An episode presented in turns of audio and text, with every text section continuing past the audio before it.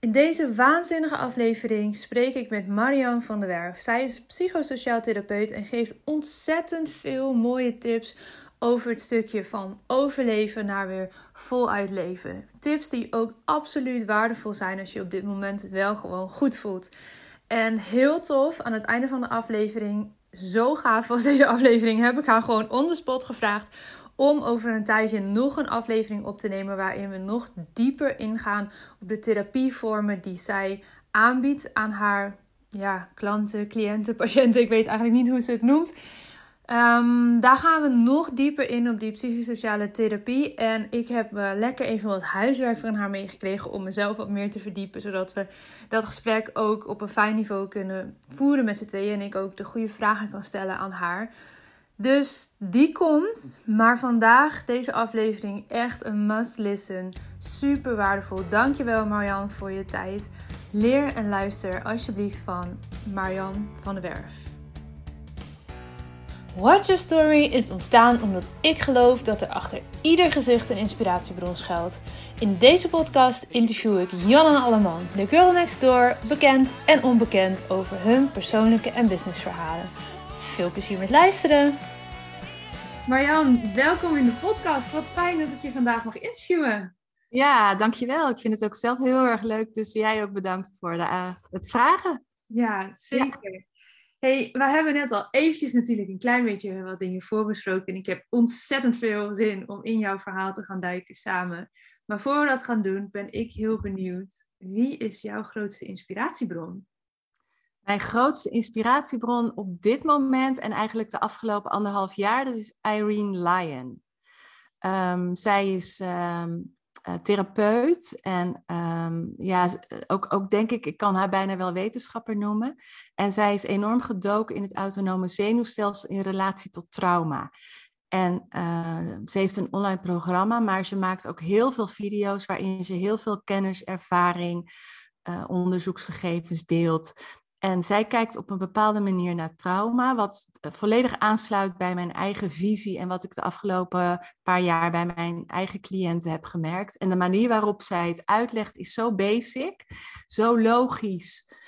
Um, en daar, heb ik, daar leer ik zelf heel erg veel van, maar ook de rust die zij uitstraalt, um, de manier waarop zij de dingen uitlegt, de manier waarop zij er naar kijkt heb ik zoiets van, ja, ik wil de Nederlandse Irene Lyon zijn. Ja, met, wat goed! Met wel het verschil dat zij maakt video's, ja, en ik heb de podcast. Ja. Uh, dat dat gewoon voor mij uh, ja, fijner werkt dan dat ik iedere keer opgedoft, opgetut voor het beeldscherm Ja, nou, podcast is helemaal hip, toch? Ik bedoel, uh, ja. ja. ik geloof dat je daar geen slecht medium te pakken hebt. Nee. ja, ik vind het heel leuk als je misschien straks daar iets meer over wilt delen, gewoon echt vakinhoudelijk ik vind dat zelf natuurlijk heel interessant, maar zeker er zijn ook veel coaches en therapeuten die deze podcast luisteren, denk ik. Um, dus die, uh, ook al ben ik misschien af en toe jouw uh, draad dan kwijt omdat het gedetailleerd is, denk ik dat er zeker luisteraars zullen zijn die dat juist heel interessant vinden.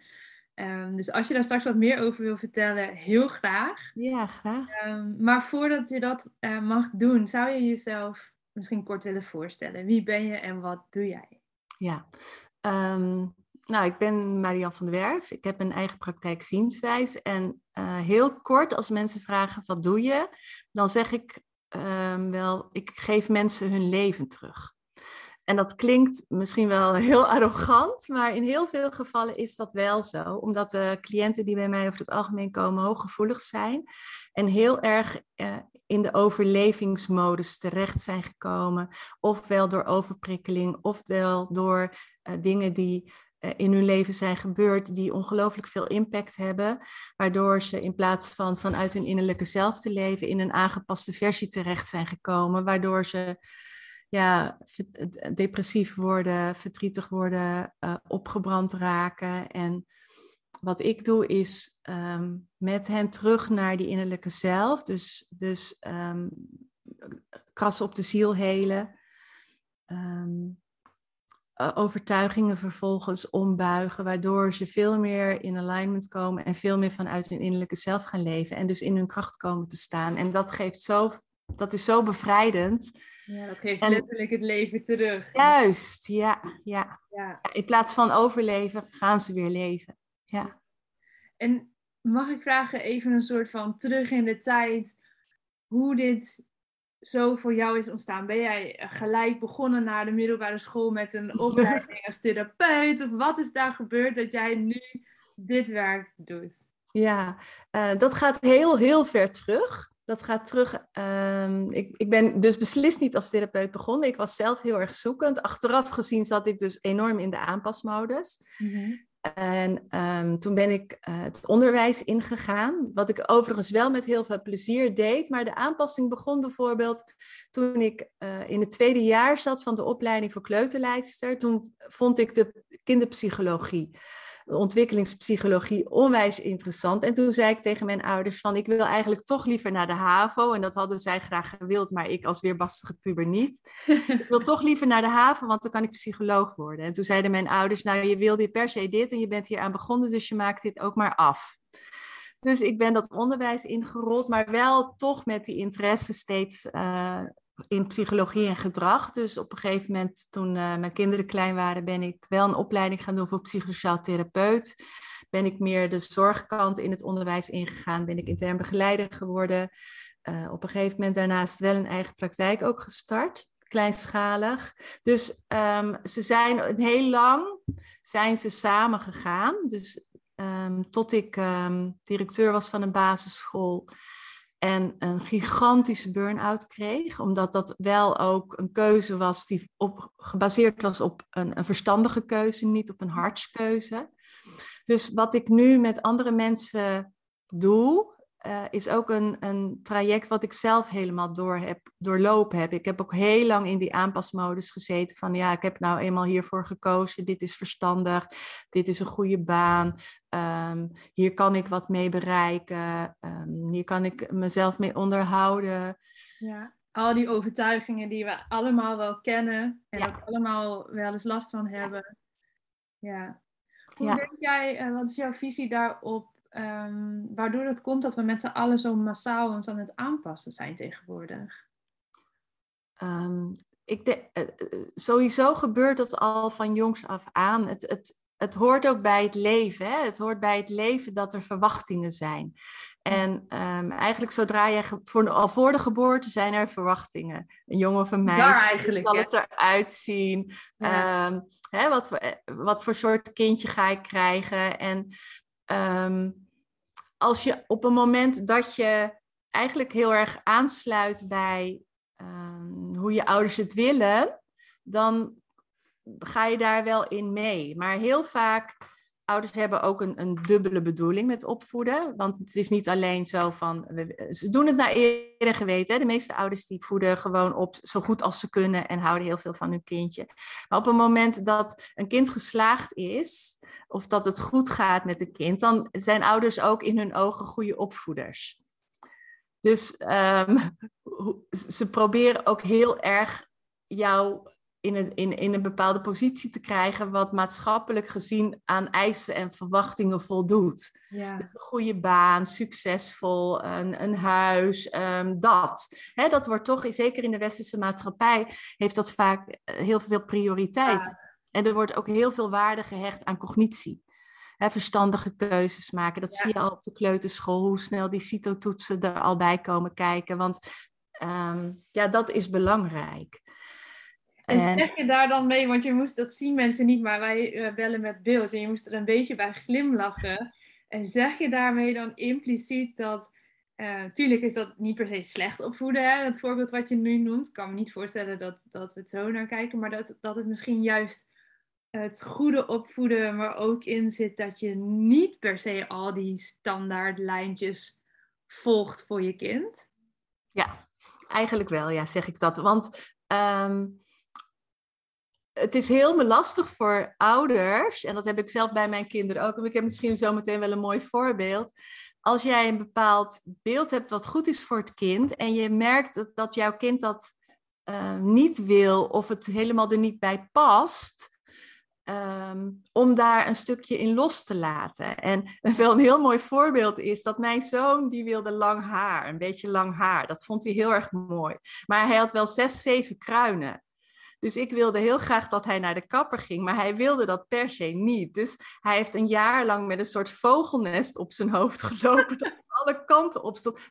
en later zei hij ook, jemig mam, hoe liep ik erbij? Ik zeg, ja, maar Sjoerd, op dat moment was dat heel belangrijk voor jou. En hij was pas vier, vijf jaar. Maar het was zo belangrijk voor hem dat dat haar in zijn waarde gelaten werd. Ja. Nou, dat is een heel klein voorbeeldje dat ik continu dacht, jemig, wat zullen mensen wel niet denken? Hè? Ja, moedermoeder, ik ga niet naar de kapper met mijn kind. Ja, mijn kind ziet er niet uit. Om dat, dat stukje los te laten van ja, maar voor hem is dit nu heel belangrijk. En dat stukje respect geven, uh, voorbijgaand aan wat een ander ervan zal vinden. Ja. En die maatschappelijke druk is natuurlijk, want weet je, als je, als je kijkt naar, de, naar ons oergevoel, als je erbij hoort, dan vergroot je je overlevingskansen. Ja. Dus het, dat, dat, dat is een oerdrang. Aanpassen, dat zit eigenlijk in onze natuur. Ja, ja en het, het, het vergroot je overlevingskans. Alleen je ziet toch veel meer binnen onze maatschappij dat de druk heel erg groot wordt. En dat er toch heel veel mensen zijn die niet een beetje in dat plaatje passen. Zeker de, de, de, de cliënten waar ik mee werk, dat zijn hooggevoelige mensen.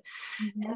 Daar zit de bedrading in het hoofd. Het brein werkt ook bewezen anders. Het gevoel is anders daar zitten, eh, dus, dus die passen heel vaak niet in dat plaatje van, van de maatschappelijke norm. Kan je daar meer over vertellen? Want ik vind dat heel interessant wat jij net zegt, van dat het dus ook bewezen in je brein anders werkt op het moment dat je dus een hooggevoelig persoon bent. Want we lezen zoveel over uh, hooggevoeligheid en soms lijkt ineens de hele wereld wel hooggevoelig.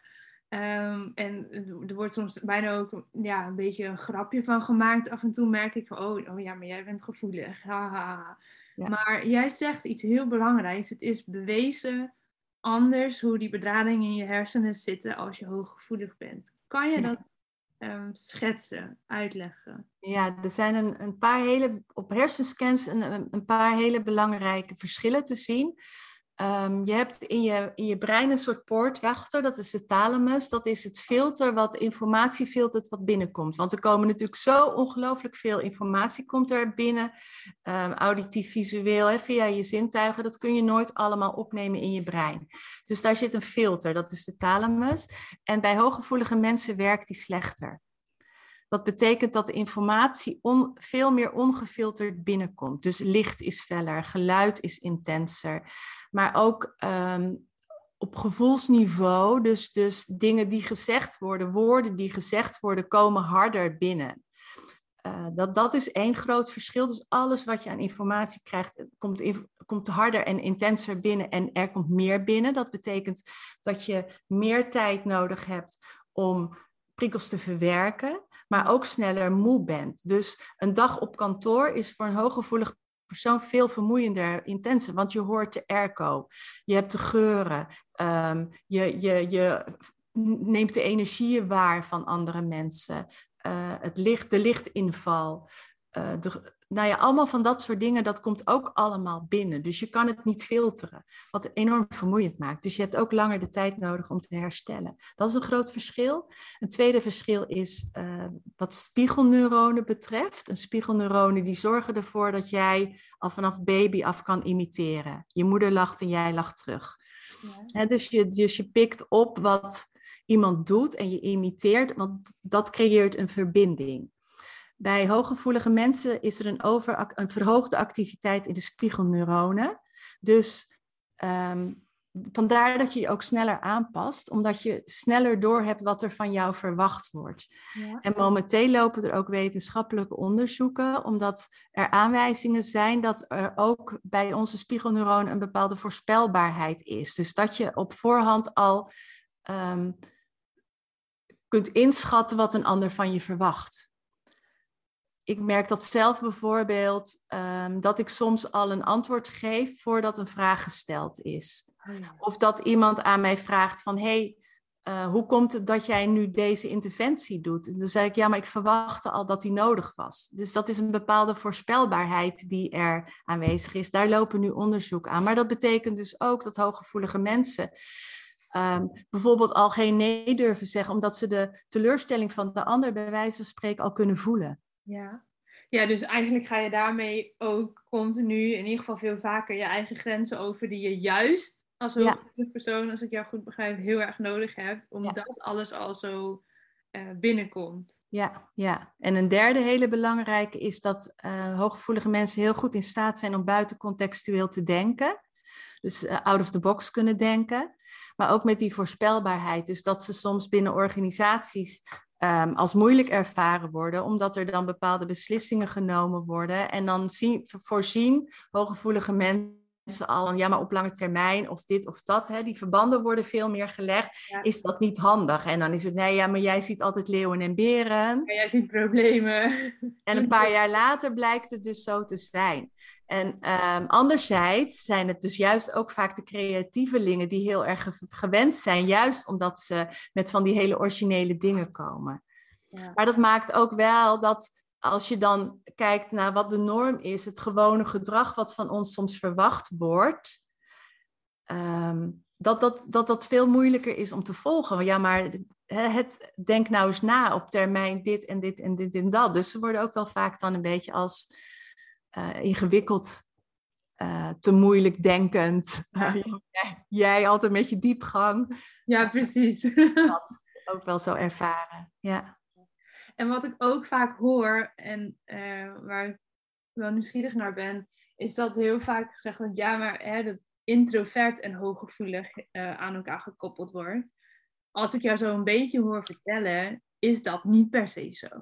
Nee, nee, het is wel de grootste groep, maar je hebt eigenlijk vier types, niet eigenlijk, je hebt vier types hooggevoelige mensen. Dat zijn de introverte hooggevoelige mensen, dat zijn inderdaad wat timide, teruggetrokken, beschouwende, afwachtende, hooggevoelige mensen. Maar je hebt ook een extraverte hooggevoelige personen. Dat zijn wel degelijk degenen uh, die heel erg, die al die kenmerken hebben. Ook dat grote empathisch vermogen, die, die, die, gevoeligheid voor prikkels, maar wel heel erg de behoefte hebben om erop uit te gaan. Ja. Je hebt de introverte, hooggevoelige sensation seeker die, uh, dat is een groep, dat is wel een veel kleinere groep, die hebben de behoefte aan, aan juist aan extreme prikkels, maar ook aan sensatie, de achtbanen, dus het skiën en dergelijke, maar wel ook heel veel behoefte om zich terug te trekken. En de extraverte uh, high sensation seekers, ja, dat, zijn, uh, die, dat ben ik dus heel lang geweest, dat ik continu uitdaging wil, continu uh, mijn grenzen aan het verkennen was, over mijn grens heen aan het gaan was, hè, bovenop een zwarte piste staan en denken van, jemig, waarom wilde ik dit eigenlijk? Onder een waterval doorzwemmen, dat ik boven kom, dat ik denk, ik ben blij dat ik nog leef, dat iedereen zei, jij bent gek dat je dat gedaan hebt. Dus ik, ja, maar ze zeiden toch dat dat leuk was? Ja, dat, dat soort dingen, steeds een andere baan willen. Um, ik heb eens een matje gekregen van een directeur, die zei, bij jou is gras altijd groener aan de overkant, je, je organiseert een optocht en halverwege je loopt voorop en halverwege ben je weg, want ergens anders is ook een optocht gaande en je wil weten hoe het daar is. Nou, dat. Um, maar je, daar word je ook ongelooflijk moe van. Nou, ik wou net zeggen, dat is wel erg vermoeiend. Ja, ze zeggen de ene voet op de gaspedaal, de andere op de rem. Maar daar is dus een, een enorme uh, dopamine, behoefte aan een dopamine shot, continu. Ja. Ja. Ja, ik vind het wel, wel interessant hoor, omdat te onderzoeken ook bij jezelf, als je daar zo over vertelt, uh, ja, waar, waar je dan ongeveer zit en wat je daar dan in nodig hebt. Ik denk ja. dat uh, ja. het is super persoonlijk. Nou ja, je kunt je ook voorstellen dat het, het is een groep van ongeveer 20% van de bevolking, waarbij het, ja, even in, in zijn algemeen, het echt anders werkt. Dat, je, uh, dat daar veel mensen zijn die um, het gevoel hebben dat ze niet goed genoeg zijn, of dat ze raar zijn, uh, dat ze anders zijn, dat ze ja, um, lastig zijn, dat ze buiten de boot vallen. Dat gevoel van niet goed genoeg, dat is heel wezenlijk. Daar heb ik het ook heel vaak in een podcast over. Ja. Vrijdag had het online komt met Paula Dillema. Zij is systemisch coach. Nou, jij doet ook veel met systemisch werk. Um, en dat, ja, wij hebben dan natuurlijk, we noemen ons training straalangst. Dus die angst om je plek te pakken, om zichtbaar te worden. Uh, niet per se social media zo waar we het over hebben, maar überhaupt je plek pakken in je gezin, uh, op je werk. uh, als ondernemer. Ehm, en jij noemt hem nu ook weer van ja, dat niet goed genoeg zijn. Dat kan je, dat niet goed genoeg voelen, zo moet ik het zeggen. Dat kan je zo ontzettend in de weg zitten, waardoor je misschien ook wel, dan vul ik het in, uh, je in een andere categorie van die vier gaat plaatsen dan waar je eigenlijk goed op je gemak zit. Ja, ja. ja je gaat dus inderdaad in die aanpas-overlevingsmodus om, ja, om erbij te horen in de hoop dat, um, dat je dan je goed genoeg voelt. En het ironische daarin, en dat zullen jij en Paula dus zeker herkennen, is dat je gaat in die je, gaat, je wil geen fouten maken. Je gaat extra je best doen. Je, er komen niet toegestane delen. Je gaat ehm, heel erg voorbij aan je eigen gevoeligheid. Je gaat je grens over. Ehm, je gaat naar een verjaardag bijvoorbeeld, terwijl je eigenlijk er helemaal niet wilt zijn. In de hoop dat je dan goed genoeg bent en niet afgewezen wordt. Uiteindelijk hou je het niet meer vol omdat je zo moe bent en zo ver van jezelf verwijderd bent, waardoor je niet meer kunt. En dan ineens voldoe je niet meer aan dat plaatje wat je altijd was. En dan word je alsnog afgewezen. Dus je grootste angst die je wilt voorkomen, uiteindelijk krijg je daar juist mee te maken. Omdat ja, je eigenlijk in de hand. Ja, ja. En dat zullen jullie natuurlijk ja, heel veel tegenkomen. Ja, ja zeker. Want um, je zegt ja, uiteindelijk word je burn-out of depressief of komen dat soort klachten uh, als je dit maar lang genoeg volhoudt. En ik ben wel nieuwsgierig hoe jij dan ook de rol ziet van hoe onze maatschappij nu is ingericht. Die triggert ook enorm om aan dat soort van perfecte plaatje te voldoen. Um, en nou ja, we weten allemaal, we nemen deze podcast op in 2022. Mocht je dit jaren laten luisteren, de wachtlijsten zijn groter dan ooit volgens mij voor uh, psychologen, psychiaters, uh, therapeuten, noem maar op. Um, hoe zie jij die rol van de maatschappij als soort van trigger voor die, die mentale problematiek die vandaag de dag speelt? Ehm, ik, het is een hefboom. Het begint natuurlijk al heel vroeg. Wat ik al zei, dat, dat er nog steeds heel veel waarde gehecht wordt aan de verstandelijke ontwikkeling. En veel minder aan ehm, wat past nou eigenlijk bij jou? Wat is, wat is het doel voor jou hier? En dat is even groot op aarde, maar waar ben je goed in? Dus er zou veel meer gebruik nog gemaakt kunnen worden van talenten. Want op een moment dat jij vanuit een flow werkt, nou ja, dat merk jij ook, Lotte, en dat merk ik ook. Op een moment dat jij doet waar je goed in bent, wat heel erg bij jou past, dan, ben je, dan geeft dat energie. En um, wat mij betreft zou daar al van jongs af aan veel meer ruimte voor mogen zijn. Veel meer ruimte. Op scholen. Ja, op scholen. En, en, maar ook binnen gezinnen. ja. dat, dat er veel meer ruimte. Maar gisteren zei iemand, en dat vond ik heel erg mooi. En zij heeft zelf heel veel behoefte eigenlijk aan rust op dit moment. Maar toen zei ze van ja, ik wilde toch iedere keer met de kinderen op uit, want dan ben ik een goede moeder. Oh ja. Alsof je geen goede moeder bent als je een spelletje aan tafel doet. Weet je wel? Dus, en dat, dat, dat is gewoon het beeld wat geschetst wordt. Um, ook, ook met social media en dergelijke, met, met, met reclames op de tv. Ehm, terwijl daar, als de maatschappij daarop zou inspelen, maar tegelijkertijd zal dat niet zo vaak gebeuren, omdat je toch, ja, dat klinkt misschien wel hard te maken hebt met mensen die de macht willen hebben, met machthebbers. En op het moment dat je iemand uit de comfortzone haalt, op, op het moment dat je iemand uit zijn kracht haalt, heb je macht. Ja. En dan blijft er eh, eigenlijk een collectief trauma, wat altijd zorgt dat, er, dat, er, dat je macht hebt en dat je grip hebt op de bevolking. Dus daar is een ongelooflijk. heftig, hè, wat je nu zegt. Ja, ja. ja. en dat, ja. Hoe zou jij zeggen, kunnen we onszelf daar een beetje tegen beschermen? Dus voordat we bij jou uh, in de praktijk komen en al helemaal burn-out zijn, hè, hoe kunnen we, ehm, nou, zoals jij en ik, ehm, zitten op zich goed in ons vel, maar hebben ook wel last daarvan, van die druk. Ehm, hoe, hoe kan ik mezelf daar een beetje tegen beschermen? Wat zou je meegeven als advies? Ik denk dat je heel selectief mensen kunt uh, volgen. Dus, en, en bijvoorbeeld, ik, ik kijk al jaren geen nieuws meer en actualiteiten en dergelijke, maar ik volg heel gericht mensen waarvan ik voel dat die mij krachtig maken, dat ik daar iets, dat ik daar inspiratie uit opdoe. Um, ik geloof heel erg in de wet van de aantrekkingskracht. Het Mhm. dromen, het blijven dromen, het blijven dromen. En, en ook, er is zoveel meer dan dat wij hier op aarde beseffen. Eh, 5% maar van wat jij weet en zelf kunt bedenken, is wat er voor jou op dat moment is. Maar daaromheen is zoveel meer wat mogelijk is. Om, eh, om je daarin te verdiepen, Ja, ja. zou ik echt iedereen willen adviseren. Ook ouders om hun kinderen daarin gewoon wegwijs te maken. Om ze te laten dromen. Om als ze zeggen, ik word later dit en dit en dit. Om niet te zeggen, nee, dat kan niet. Nee, maar ga daar maar gewoon voor. Ja, Ehm, dus, dus op heel kleinschalig gebied al de mensen opzoeken waarmee jij matcht. En die jou liften, die jou op, op waarde schatten. Die jou eh, zien zoals je daadwerkelijk bent.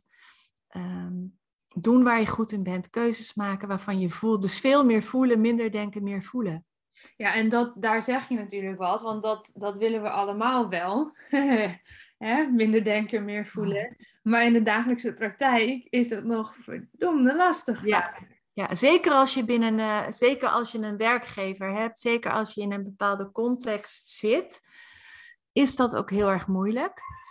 Ehm, maar het is, het, is de enige oplossing. Het is de enige oplossing om jezelf te gaan zien. En ook al ben je nog niet in een burn-out, al ben je nog niet ehm eh, zover, juist dan is het misschien verstandig om wel eens te gaan kijken van, maar hoe zit ik nu in elkaar? Wat past bij mij? Wie ben ik? Met een, met een, gewoon met een coach of wel met een therapeut, zodat je niet in die GGZ-traject belandt omdat je opgebrand bent, maar gewoon van, en, en ook door podcast, er zijn zoveel HSP-coaches die een podcast hebben, maar, maar er is al heel veel gratis te vinden ook op social media en, en al- als webinars. Maar ga je verdiepen van hoe zit ik in elkaar? Hoe werkt dat bij mij? Hoe... Ja. Dat je echt weet wat jij nodig hebt om Ja, genoeg van hoofd naar hart te kunnen zakken. En of dat dan Ja. nou, eh, sport is, of mediteren, of lezen, of whatever. Wandelen, wat maar werkt voor jou. Maar dat je dat dus ontdekt wat, wat bij jou past. ja, en dat je niet een opleiding doet omdat die een groot inkomsten kan genereren, maar omdat je hem doet omdat je hart er sneller van gaat kloppen. En dan ga je dus daar ook inkomsten mee genereren. Daar ben ik Want altijd- daar word je goed in. Ja, daar ben je, ja, ik wil net zeggen, want als je naar jou kijkt, jij hebt ook natuurlijk een enorme eh, transitie meegemaakt, ehm, zowel eh, persoonlijk, maar ook qua werk. Ja, Want ja, hoe, hoe, hoe, hoe heb jij je daarin staande gehouden? Want je vroeg het net, wat, wat is een tip, maar jij hebt het zelf ook Ja. meegemaakt. Nou ja, bij mij is de transitie ehm, natuurlijk al in mijn tiende jaren geweest. Dat ik had echt de droom om eh topvolleybalster te worden. En het Nederlands team, Olympische Spelen, dat was echt mijn kinddroom. Nou, rond een 16, 17-jarige leeftijd viel die vrij ehm bruut in duigen. Omdat ik knieproblemen kreeg, diagnose reuma kreeg. Eh, nou ja, dat, dat geloof je dan ook. Nu pas weet ik, ja, zoveel jaar later eh, ben ik los kunnen komen van dat verhaal. En, en nou, daar heb ik genoeg podcasts over opgenomen. Daar zal ik nu niet te ver over uitweiden. Maar ehm, dat was wel echt een zoektocht van... Oké, maar wie ben ik dan nu als ik niet meer Lotte de volleybalster ben? Daar begon het eigenlijk. En dat zag ik toen op dat moment. Natuurlijk gaf ik die woorden daar niet aan. Maar nu kan ik dat zien. Eh, en dat heeft denk ik echt wel een jaar of tien of zo geduurd. Vijftien, voordat ik daar echt dus met, met begeleiding ook eh, in ben gaan duiken. En kon zien van, oh, maar dat was echt mijn identiteit. En die, het is een stuk rouw eigenlijk wat daarbij komt kijken. Ja, ja ik was toen dus eh, tiener, eh, twintiger. Ja, je leeft je leven. En ik heb heel veel toffe dingen gedaan ook daarna. Dus ik heb niet eh, een slecht leven gehad of zo. Gelukkig niet. Ehm, ben naar Suriname verhuisd. Daar heb ik een paar jaar gewerkt. Uh, dat was super leuk. Ik ben heel blij dat ik dat heb gedaan. Maar toen ik terugkwam, als je het dan echt hebt op, op werkgebied, wilde ik eigenlijk gewoon gaan solliciteren naar een leuke baan. Want dat is hoe ik het had geleerd, ook thuis. Ja. Mijn ouders, dat is wat ik kende. Maar alle banen die ik zag, vacatures, die ik leuk vond, waren echt ja, senior banen voor de 40-plussers met een bak ervaring. En, maar dat vond ik leuk, die uitdagingen. En dan schreef ik wel heel stoer, maar ja, daar gebeurde natuurlijk helemaal niks. En wat ik ook wel snap met enige zin voor realiteit. En eigenlijk toen uh, werd mij getipt van ja, maar wil je dan niet voor jezelf beginnen? En dat zaadje is al geplant in Suriname Ehm, daar is een dame geweest die heeft tegen mij gezegd, uh, ik had aan haar verteld van nou, ik wil wel eens mensen gaan interviewen en persoonlijke verhalen delen, want die heb ik zelf zo gemist vroeger. En zij zei maar, waarom doe je het dan niet gewoon? Waarom ga je niet gewoon eens iemand die jij interessant vindt vragen of je die mag interviewen? Dat heb ik in Suriname nog gedaan. Dat is nog steeds, uh, dat was een geschreven, uitgeschreven interview. Misschien wel een van de mooiste stukken Ehm, die ik heb mogen schrijven. Niet alleen omdat het voor mij van zo'n grote waarde was, maar ook dat uh, het verhaal gewoon heel indrukwekkend was. En vanuit daar is, toen ik terug in Nederland was, wel een beetje het balletje gaan rollen van oké, maar als ik dan iets wil met verhalen, en hoe ga ik dat dan doen? En uh, hoe maak ik daar dan ook, hoe ga ik daar geld mee verdienen? Ja. Nou ja, dat heeft best wel een tijdje geduurd. Ik ging eerst fotograferen, en op die manier verhalen vertellen. Um, en uiteindelijk, stapje voor stapje, is zich dat um, ja, gaan, gaan groeien naar wat ik nu doe. Dat ik echt mensen help om hun persoonlijke verhaal en hun businessverhaal in beeld te krijgen. En dat dan dus ook te kunnen vertalen naar um, je marketing om op een, nou ja, we hadden het in het voorgesprek even over, om op een fijne manier marketing en sales te kunnen doen. En niet dat gevoel van, oh, wie zit er nou op mij te wachten? Eh, maar op een manier dat klopt bij jou. En dat vind ik heel zinvol. Want ja, weet je, als jij jouw praktijk goed weet te verkopen en mensen weten jou te vinden, dan weet ik dat jij life-changing dingen teweeg brengt bij jouw uh, klanten of cliënten. ja. Ja. En dus is dat mijn motivatie om te zorgen dat hè, bijvoorbeeld deze podcast, dat jouw verhaal gedeeld wordt, gaat misschien helpen dat iemand deze podcast luistert, denkt, bij Marjan moet ik zijn, ik ga contact opnemen. En dat, hè, dat is wat mijn werk zin geeft. Um, dus dat is best wel echt ook een hele reis geweest met allemaal uh, ja, kantelpuntjes en momenten en mensen die ik heb leren kennen en opleidingen die ik heb gevolgd, boeken die je leest. Uh, en ja, nu voelt dat wel echt als van hier ben ik op mijn plek. En ja, mooi hè? Ja. Klopt, ja. Nou ja, wat ik bij jou... Er zijn ook nog wel weer dromen. Weet ja, tuurlijk. ook dat. Ik, ik, ja. dat, dat. Dat deel ik af en toe sporadisch, maar dat stuk met sporters en daar iets kunnen betekenen voor oudsporters, ouders, bonden, clubs. Weet je, dat is wel iets wat ik, dat, dat zie je niet op mijn website bijvoorbeeld, maar in mijn vrije uurtjes zijn dat dingen waar ik aan het onderzoeken ben van hé, hey, waar ligt daar een rol voor mij weggelegd? Ja, ja. ja dus het kan naast elkaar bestaan. Ja, en wat, wat ik zo mooi vind in jouw verhaal dan, Lotte, als je dan kijkt waar we het er net over hadden, hè, dat, dat in die aanpasmodus, maar dat het zo belangrijk is om te weten wie je bent. Bij jou is dat noodgedwongen in gang gezet, doordat je niet ja. meer sporten, moest je wel op onderzoek uit. Maar dat niet iedereen heeft zo'n ingrijpend moment. Um, maar jij zei ook van ja, het is normaal dat je gaat solliciteren. Dus, dus als je in die modus terechtkomt en je staat er niet zo heel erg bij stil, als, hè, dan was jij misschien ook wel gewoon in een baan terechtgekomen ja, waar je kan. helemaal niet zo. Hè, maar door steeds te kijken wat past bij mij en, en wat voelt voor mij goed. En um, die zaadjes te planten en het maar laten gebeuren, kom, ja. kom je steeds verder op dat pad en, en groei je steeds verder in waar jij nu mee bezig bent. Terwijl op het moment dat je in die controlemodus gaat, in die maatschappelijke, ja, bijna, uh, ja, hoe noem je dat, emmer, gevangenis bijna wou ik zeggen, maar dat is wel... Maar als je, als je daarin blijft zitten en je, je, je gebruikt die als leidend, ja. dan kun je niet het laten ontstaan. Dan blijf je in die consensus zitten en dan kan dat pad zich niet ontvouwen, omdat je jezelf veel te veel inperkt. En op het moment dat je jezelf de ruimte geeft, al is het, ik zei op een gegeven moment was ze, was misschien wel heel mooi een cliënt, en die zat helemaal in een baan waar ze ziek van werd. En ze ging wel een opleiding doen, dat, dat wilde ze al jaren, maar dat durfde ze nooit. En toch, ze durfde het nog niet eens aan de ouders te vertellen, maar ze had zich opgegeven voor de PABO. En ehm, maar ze had nog een baan en toen zei ze, ja, maar die baan wil ik ernaast blijven houden, want hij verdient heel erg goed en ik kan het mooi combineren dan met die pabo.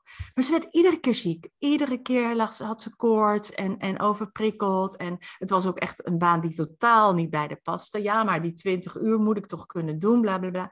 Toen zei ik, je hoeft van mij niets. Het enige wat ik vandaag met je wil doen, is we gaan vijf meter verderop jouw verlangen neerleggen hoe, wat je het allerliefst zou willen in combinatie met de opleiding. Wat voor baan jij daar het allerliefst naast zou willen. Even los van of het mogelijk is. Ik zeg, je hoeft ook van mij niet te gaan solliciteren, maar het enige wat ik wil is dat je jezelf toestaat om te voelen hoe het zou zijn als daar een andere baan naast is. Nou, dat hebben we gedaan, was heel emotioneel voor haar. Drie weken later kreeg ze een aanbod. Ja, bizar. Ja. Ja. ja. Ja. dan is het toch een soort van sign naar, naar, eh, naar de wereld om je heen. En, en ja, en, en ze zei, het, het verdient minder, maar ik, ik red het financieel.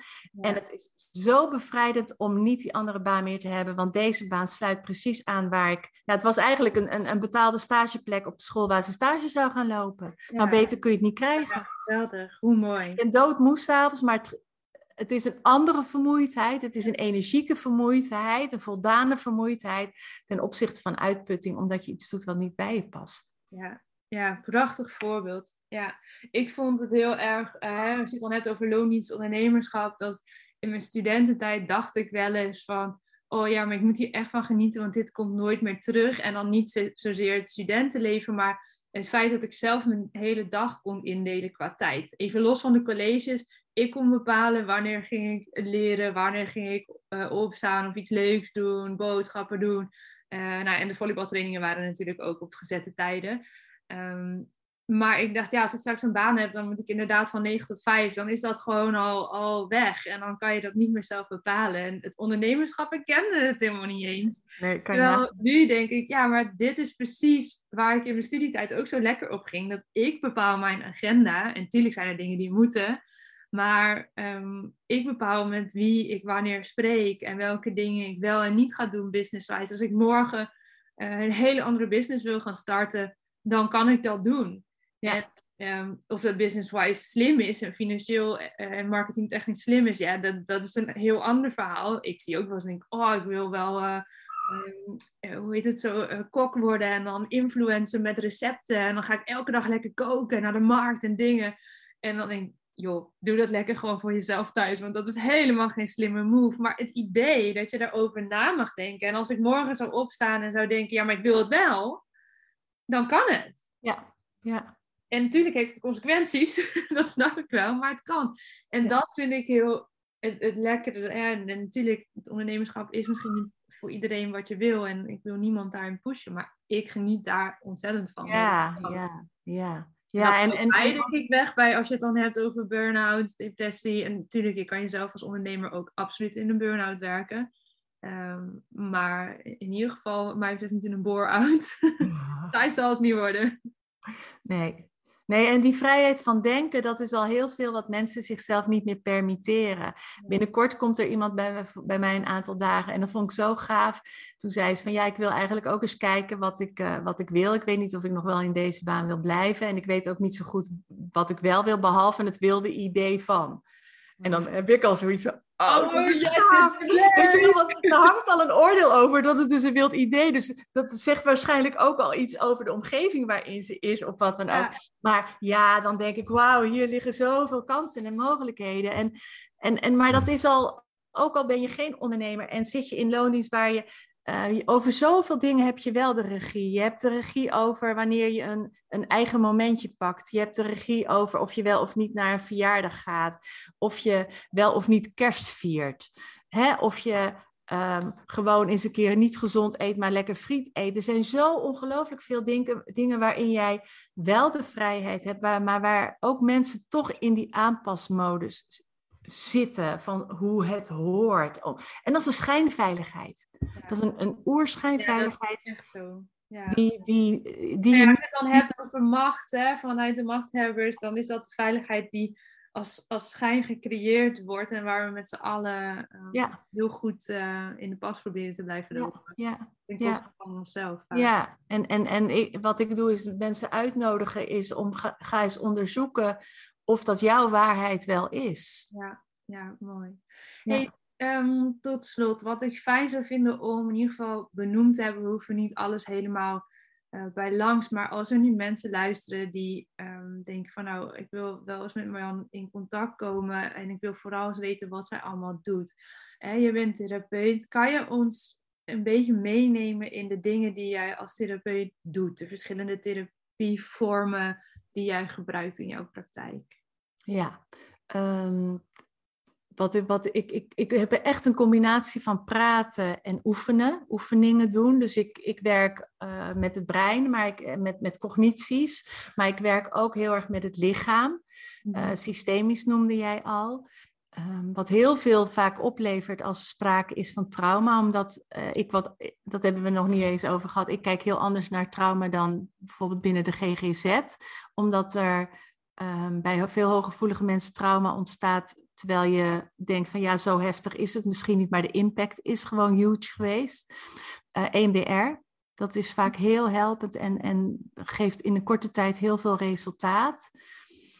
Uh, de paarden. Ik, uh, het is niet structureel dat ik de paarden uh, inzet. Maar het is wel dat als ik bijvoorbeeld een bepaald item aan de orde komt en het heeft te maken met grenzen stellen, of het heeft te maken met onbewuste processen waar iemand in een ontkenning zit, of weinig inzicht, of het heeft te maken met um, in je kracht staan, dan kan het zijn dat ik zeg: Kom, we gaan naar buiten, we pakken er een paard bij. Maar het kan ook zijn dat ik, als het over ruimte en vrijheid van denken gaat, weet je wel, uit die kaders komen, dat we op het erf met touwen aan de gang gaan. Van ga maar eens neerleggen hoeveel ruimte jij nodig hebt. Dus het is heel erg een combinatie van bewustwording, psycho-educatie, hoe werkt het bij jou en uh, dus, dus overtuigingen ombuigen, daar inzicht in hebben, maar ook het voelen en ervaren, zodat het gevoel ook daadwerkelijk meegaat. Ja, mooi. En wat jij net zei, daar hebben we het helemaal nog niet eens over gehad. Het is goed dat je het nog even noemt, want we zijn zoveel andere paden ingeslagen. Want we begonnen eigenlijk met die hele andere visie uh, van Irene, heb ik het goed onthouden? Ja, ja. ja. Um, misschien want hij heeft ongetwijfeld ook iets van uh, boek geschreven, dingen uh, die je kunt lezen, kunt vinden van haar. Even checken bij jou. Um, ja, het handigste is misschien om haar dan ook te volgen op, um, op, op YouTube, omdat ze daar ja. heel veel video's heeft. Irene Lyon. Um, en, en daarin he, heeft ze ook regelmatig dat ze naar de website, dat ze naar gratis e-books verwijst. Ja. En uh, ja, de, de, de, Nederlandse variant waar ik het er regelmatig over trauma heb, is in mijn podcast. Ja. Um, en daar heb ik ook een podcast, volgens mij is het nummer 27, waarin ik heel erg inzoom op, op de manier waarop ik naar dat um, trauma kijk en waarom heel veel hooggevoelige mensen trauma hebben, terwijl ze niet bewust van zijn. En, um, en even de naam van jouw podcast, hoe kunnen mensen deze vinden? Happy Hooggevoelig. Precies. Ja, ja. En... Ja, want wat misschien wel leuk zou kunnen zijn, hè, want ik vind dat super interessant. Um, dat we nog eens, dus ik stel het nu spontaan voor terwijl we nog aan het opnemen zijn. Als je er helemaal geen zin in hebt, moet je het ook zeggen. Maar dat we nog eens een keer een andere aflevering opnemen die echt specifiek daarop ingaat. Dus ook meer vakinhoudelijk. En uh, dan zou ik ook graag me daar um, wat inhoudelijker over voor willen bereiden. In plaats van hè, het verhaal zoals we het nu hebben besproken. Zodat ik uh, met jou daar nou ja, een gesprek over kan hebben en vragen kan stellen. Uh, ga ik lekker ook even wat van die video's van haar kijken. Jouw podcast daarover luisteren. Misschien nog wat dingen over lezen. En dat we eens nog wat ja, dieper op dat onderwerp trauma in kunnen gaan. En de visie die jij daarop hebt. Ja, graag. Ik denk dat ja. dat bijna wel een aflevering op zichzelf ja, ja, ja, dat denk ik ook. En zeker omdat jij ook met je straal, um, straalkracht... Straalangst noemen we Straalangst, ja, ja die training, krijg je daar ongetwijfeld ook mee te maken. Dat je zult merken dat sommige overtuigingen zo ongelooflijk hardnekkig is. En dat mensen toch daaraan vasthouden, omdat de angst om dat los te laten zo groot is. Omdat daar een, een bevriezingsreactie op zit. En uh, dus, dus, dus sowieso al uh, is dat heel erg interessant. Ja, dus voor mij sowieso, weet je, ik, ik hou van deze dingen, dus ik ga sowieso wel kijken. Maar, maar het lijkt me wel heel interessant om, om, ja. uh, om daar nog eens een keer heel diep op in te kunnen gaan. En dat jij ook uh, ja, jouw kennis daar meer over kan delen. En dan is het fijn dat ik een beetje weet waar dit over gaat. Want anders dan ja. ook een focus voor mij waarschijnlijk. Uh, want inderdaad, in onze training doen we daar heel veel mee. Maar wij kijken vooral natuurlijk vanuit het systemische verhaal. En daarbij gezegd, uh, wij zijn geen uh, therapeut of psycholoog of zelfs ja. psychiater. Dus als wij aanmeldingen krijgen of aanvragen krijgen van mensen die echt op dat level begeleiding nodig hebben, dan verwijzen we heel graag door. Want um, voor deze training is het wel, weet je, je mag best wel uit een burn-out gekomen zijn of te maken hebben gehad met depressie. Er mogen echt dingen spelen, daar schrikken we niet voor terug. Um, maar die training is niet therapie. Nee, nee. Uh, het wordt soms bijna wel zo ervaren dat mensen ja. zeggen, dit was beter dan zoveel sessies bij een psycholoog. Ja, ja daarom. Maar hè, weet, wat je, weet de kaders. Um, dus ja. als mensen luisteren en denken, hé, hey, dit is interessant. Uh, lees op de website op watchyourstory.nl staat alles geschreven over die tweedaagse training. En als je echt een therapeut zoekt, dan komen ze lekker naar je. Ja, we dat afspreken? Ja, dat is goed, ja. En voor jou, uh, Irene heeft een, een gratis um, drie, uh, driedelige videoserie. Ik weet niet of die er altijd op staat. Maar waarin ze ook heel mooi uitlegt met een zwembad bijvoorbeeld met balletjes erin. Hoe dat werkt op het moment dat er die overbelasting uh, zo aanwezig is, waardoor er geen ruimte meer is om te verwerken en dergelijke. Dus dat, dat, is een gratis driedelige video waarin ze heel veel uitlegt over trauma. Dat is een hele. Die ga ik zeker opzoeken. Ja. Nou, dan uh, ronden we deze uh, deel 1 ronden we af. ja, onwijs bedankt, Lotte. Lijkt me heel tof om over een tijdje uh, nog eens een keer samen een aflevering op te Graag, graag. Geweldig. Dankjewel. Tot ziens. Dankjewel voor het luisteren naar deze aflevering van de Lotte Gerland podcast. Ik vind het super leuk om te weten wie er luistert en vind het dan ook te gek als je dit met me deelt. Bijvoorbeeld via je Instagram stories. Tag me vooral at watchyourstory-nl zodat ik jouw bericht ook weer kan delen. Samen bereiken we zo nog veel meer mensen en kunnen we dus ook met alle verhalen nog meer impact maken.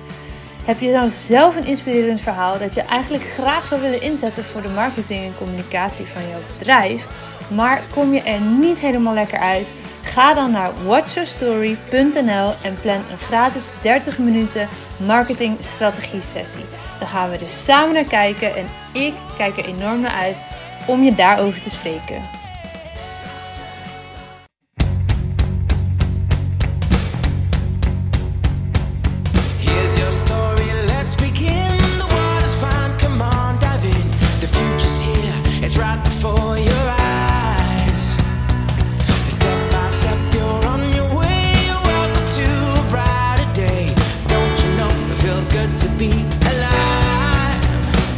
Could be larger